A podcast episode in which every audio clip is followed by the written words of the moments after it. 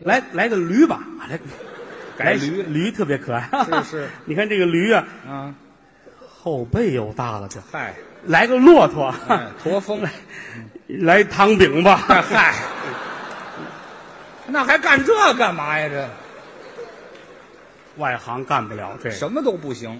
小吃是一道风景线对，好，啊。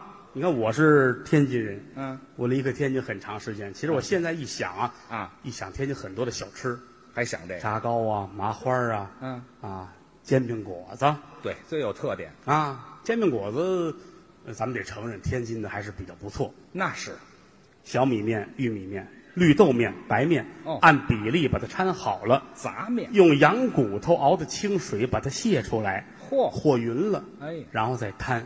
真讲究。有放生葱的，有放熟葱的。嗯，弄好了之后放油条。在天津来说，摊煎饼的摊儿一般都挨着油条摊儿，干嘛呢？油条是现炸的吃新鲜。啊，炸出来不能低于一尺，嚯，要枣红色哎呀，啊。卷好了之后，撒上各种的小料。嗯我们统计过，最多十三种小料哦，那么多呢。啊，各种的调料，包括炒的羊肉末都有。嘿呀，所以说，这个煎饼果子会特别好。嗯哎，但是现在有时候出来到北京吃，总觉得这个稍微差一点儿。就变味儿了首吗？先说这个面是白面，啊那就差多了白面摊摊这么大张，啊，这么大张。大真真多给啊，哦，大张啊。油条呢，有时候净放薄脆，啊，也北有京北京叫薄脆，对，天津叫果篦儿，哎对，这么大个儿吧？这什么比例这是因为北京北京油条现在也不好弄，咱实话实说，啊？炸出来也不够一尺是啊，啊，拿出来就马上就大了啊对，都皮它了。啊，也不是枣红色，是，啊哎，就这个色儿，反正你拿我比什么呀？这咬住一头攥这头啊，哎呀，咬不下来呀、这嗯是撒手准抽脸上，好嘛，改皮条了。拿剪子绞碎了搁嘴里，嗯来口水，哎呀，你吃药呢是嗯吧？喝药似的。啊呃，一般都放薄脆的多，这么大一白面煎饼，啊，搁这么一薄脆，卷吧，跟叠被窝似的，好嘛，都还卷完了，卷好，卷这么大块儿，嗯咬一口咽不下去，沾上牙膛子，拿火筷子往下捅。好嘛，受罪来了。所以说吃这个根本就不能这么蒙事儿，哎，得讲究。这是一道文化呀。嗯，呃，北京德云社这帮说相声对吃都有研究哎，我们都好吃啊。嗯，有一个叫李菁的演员，啊，知道。好多人都喜欢他，嗯，说话比较慢慢性儿。啊。李菁，待会儿大伙儿就能看见这个演员。对，有日子没出来演出了，嗯，这不是家有喜事嘛？喜事儿。啊，生了一个小姑娘，嘿，好多人都知道这个消息，报纸上也登了啊。对，你说这也没也没没帮什么忙啊啊。作为单位领导来说，哎，对，这里没单位领导什么事，这里头啊，我就您反打算帮什么忙啊？找个医院什么的都都用得上是吧？啊，您是这么想的哈？是是是是嗯 是，你很肮脏，哎，对，我怎么我老喊他肮 脏就？说是挺好，这不就他也就他认下来就得了，就完了，多新鲜呢！人家的孩子人不认下来这。咱们就都轻松了呗，咱们就没事了。是吧哎，对，您作为领导还真关心的多。嗯，嗯，就说说这个意思，说这个意思啊。好李菁这人好吃，哦，他喜欢这个，但是真是个过日子人呐。怎么我们住的都很近，啊？都很邻居啊，嗯，没事净看他，他爱爱吃面，喜欢面，北京人爱吃面条，对，没事老看他端着碗，嗯，一碗白皮儿，哦，白面条，面条煮出来盛到碗里，什么都不浇，这叫白皮儿哎，没咸淡味儿啊！一出门看着端一碗白皮儿，啊。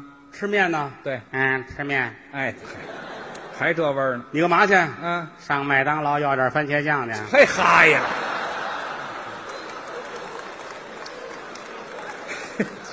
这太细致了，这过的过日子细，没有这么细致的不是太细了。啊啊，我们这儿还有老先生，啊！刚才说那李文山李先生，是我们这儿的元老对，啊，岁数大了，好保养身体，嗯，没事儿也是吃方面特别讲究，哦而且饭后必须要吃水果，哦，饭后水果他还自个儿买，是吗？别人买不放心哦啊，他觉得他懂哦，他哪个内行，有没有农药啊，哪个有没有激素啊，呵，这真特讲别究特别讲究。嗯，老头儿得自个儿出去哦啊，买苹果去，哎，苹果甜吗？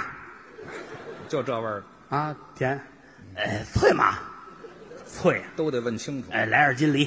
对，嗨，那你折腾这苹果干嘛呀？你我我们这儿人都这样，哎，对， 都这么没溜儿， 都这样，嗯，都一这点样。谱都没有。 还刚才这啊高峰跟栾云平啊偷斧子这俩，啊！高峰是我师弟，对，我兄弟，嗯，里边那个栾云平是我徒弟。对了，上一次拜师前五个有他哎，啊，栾云平，栾云平也是过日子细，他呀过日子也细是啊。早晨起来吃早点，吃油饼，吃着吃就哭了，干嘛呀？这得多顿吃饱了。 哎，这好多大饭量没事儿净上高峰那儿串门去。啊？高峰那个好惹吗？你琢磨，怎么你长那个模样就那样，你想吧。什么模样？前些日子高峰刚搬的家，哦，装的房子，对，小栾还跟我商量了，嗯，师傅，这回我有饭辙了。怎么？我们俩一块儿说相声，哦，我管他叫师叔。是我上家去假装排练，他能不管饭吗？真想的真细致了，这个我说你去吧，你试试吧。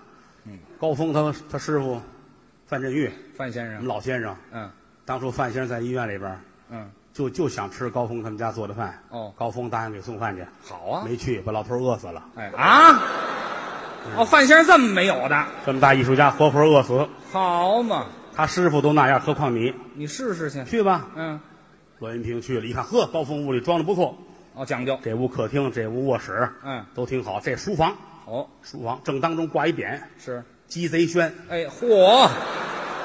哎，这就要倒霉。”，俩人坐着聊天吧，聊吧，探讨艺术吧。也就聊这个了。啊嗯，小栾是早晨四点多去的，嚯知道吗？跟高峰俩人探讨艺术，啊！说了下午三点半。哎呀，高峰也不谈做饭的事儿，是吗？一口一口喝水，哎呀，喝的肺叶子都飘起来了。啊嚯，愣涮栾云平实在没辙了，啊！站起来奔厨房了，嗯，看看你们家有什么吃的吧。找找吧。到厨房一瞧，头天剩的炒的扁豆，哦，鸡蛋炒的黄瓜，呵，还有几片火腿肠子，那就行了，还有一碗米饭。凑合吃。小栾自个儿开煤气灶，都搁在一块儿，切着咔着，切着咔着，哎呀，炒剩饭。啊，北京管这叫烫饭，哎，就是遮罗打死剩饭。嗯，这一大碗，好家伙啊！嗯，半锅。不少一看高峰他们家碗都小，啊，这比九中大只有限。饭量也不大你看这，心说我忙活半天，我我自个儿未必够吃，啊。我不能给高峰吃。他一看有一盆儿，到盆儿里边儿，嚯，到盆儿里端着碗出来，这大盆那么大个儿，往嘴里划了，真吃，站那儿吃乐，看着高峰乐。气人吗？这不是？不管饭我自个儿来。嗯，高峰看看他，好吃吗？怎么饿了饿了吧？啊？香吗？嗯， 快点吃，怎么？吃完把盆儿给我刷了。干嘛呀？那盆儿晚上我还解手用呢。这嚯！啊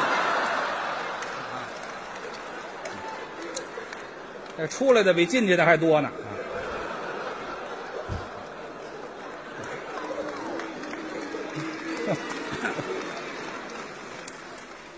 我们这都高人啊，都是高人、啊，知道吗？谁能想得出这主意来呀？都是高人，我们这儿啊啊，还有这个人物，我怎么了？他说良心话，他差着，在他们家会吃的啊，是他父亲。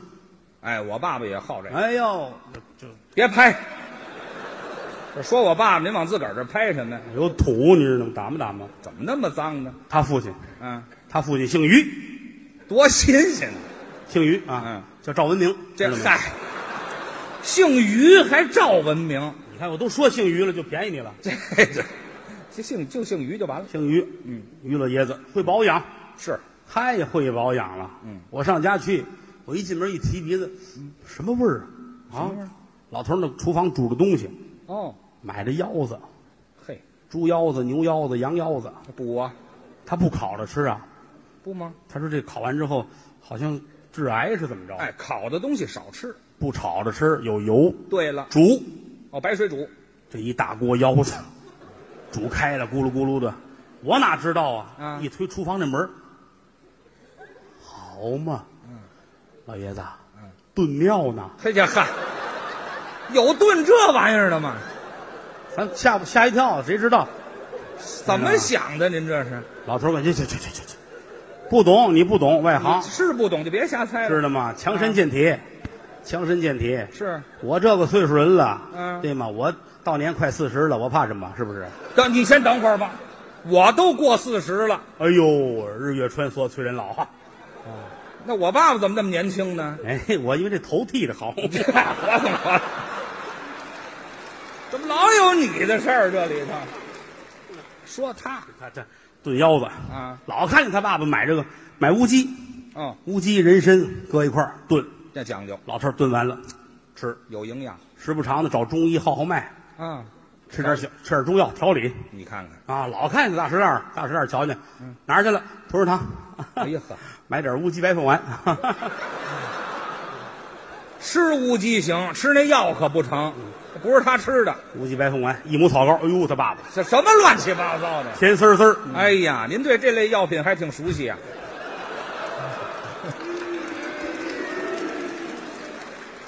谢谢吧，谢谢。这还谢谁 呀您？ 就说说这意思啊老头儿没事儿上那个海鲜批发市场啊买那生蚝，啊，生蚝，那也好，咱们吃净烤着吃了，烤生蚝牡蛎，啊，老头儿没有嗯，生吃，生着吃拎着就回来一大包啊，啊，买的生蚝。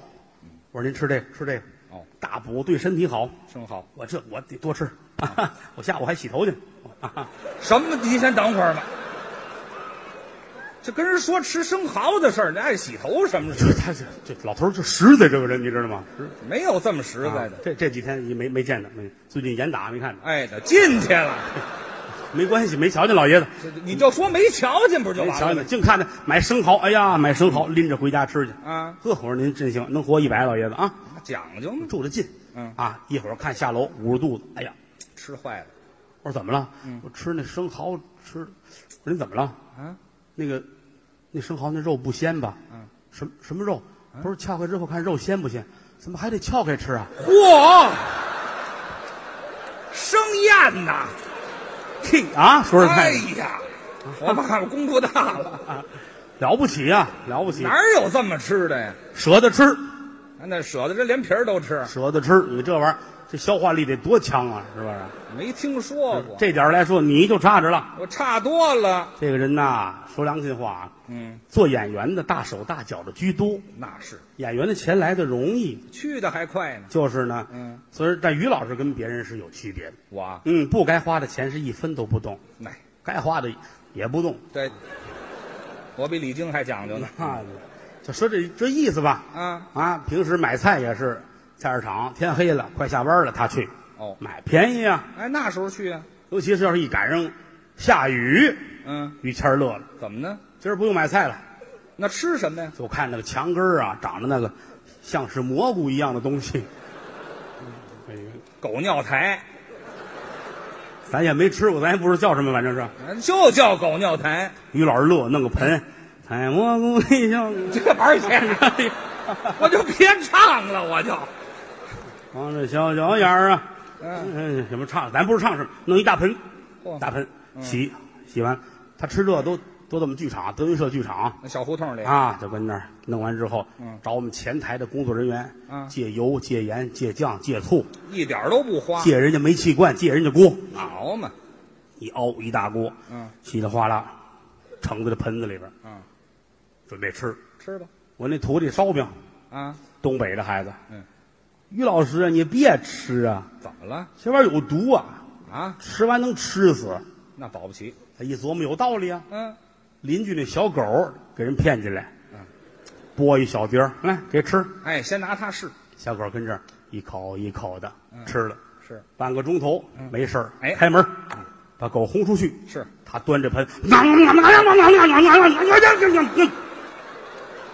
我这吃相还不如狗呢，合着，吃完之后这盆儿倍儿干净啊，哎，对我都舔了，跟刚买的似的。是，坐这儿坐这儿，心里痛快。哎，消化吧，烧饼跑进来了，啊于老师啊，啊，狗死了，哎啊，吓坏了， 那是啊，怎么办呢？哎呀，你不早说啊，这不要命，这怎么办呢？是，烧饼给出一主意，啊往外吐，对，赶紧倒吧，吐出来就好了，是你就吐不吐不出来啊？想辙呀，你你喝点尿吧。 哎呀，也就这主意，烧饼拿盆儿出去，弄一大盆尿回来，于老师吨吨吨吨吨吨吨吨真喝。全喝了。感谢您的收听，去运用商店下载 Patreon 运用城市，在首页搜索海量有声书，或点击下方链接听更多小说等内容。